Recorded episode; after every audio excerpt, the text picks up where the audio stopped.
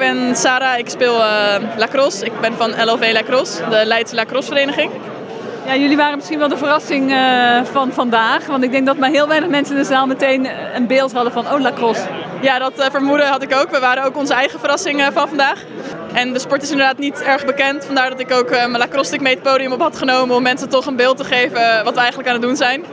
Ik uh, omschrijf het altijd als een beetje uh, hockey in de lucht. Een soort uh, sportief vlindertjes vangen. Je speelt met een netje en daar ligt een bal in. En die bal moet je naar elkaar overgooien. Je mag rennen met de bal. Je rent het veld over. 10 tegen 10. Het is een ontzettend dynamische sport. En ja, het doel is, doel is scoren. En is het dan ook een, zeg maar, een fysiek en harde sport? Mag je elkaar tackelen of zo? Het is, in verschillende disciplines wordt het gespeeld. En enkele daarvan zijn ja, erg fysiek.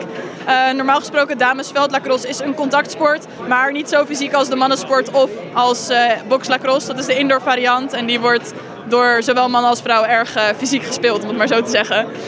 Wat, wat maakt het zo leuk? Hoe kom je erbij om zoiets te gaan doen? Ja, het, het maakt het leuk omdat het um, ja, misschien niet zo, niet zo bekend is. Het ligt niet voor de hand. Het is nieuw. Um, da daarom heeft het mij destijds ook aangesproken. En ik vind de, de snelheid, um, maar ook het, het spelelement, de tactiek, ja, net fysiek eigenlijk, dat, dat, dat trekt mij toch wel. Daarom speel ik zelf ook, uh, net als uh, vele anderen um, uit mijn team, uh, Box Lacrosse. Dat is de indoor variant en daarmee gaan we volgend jaar ook met het Nederlands team naar het WK.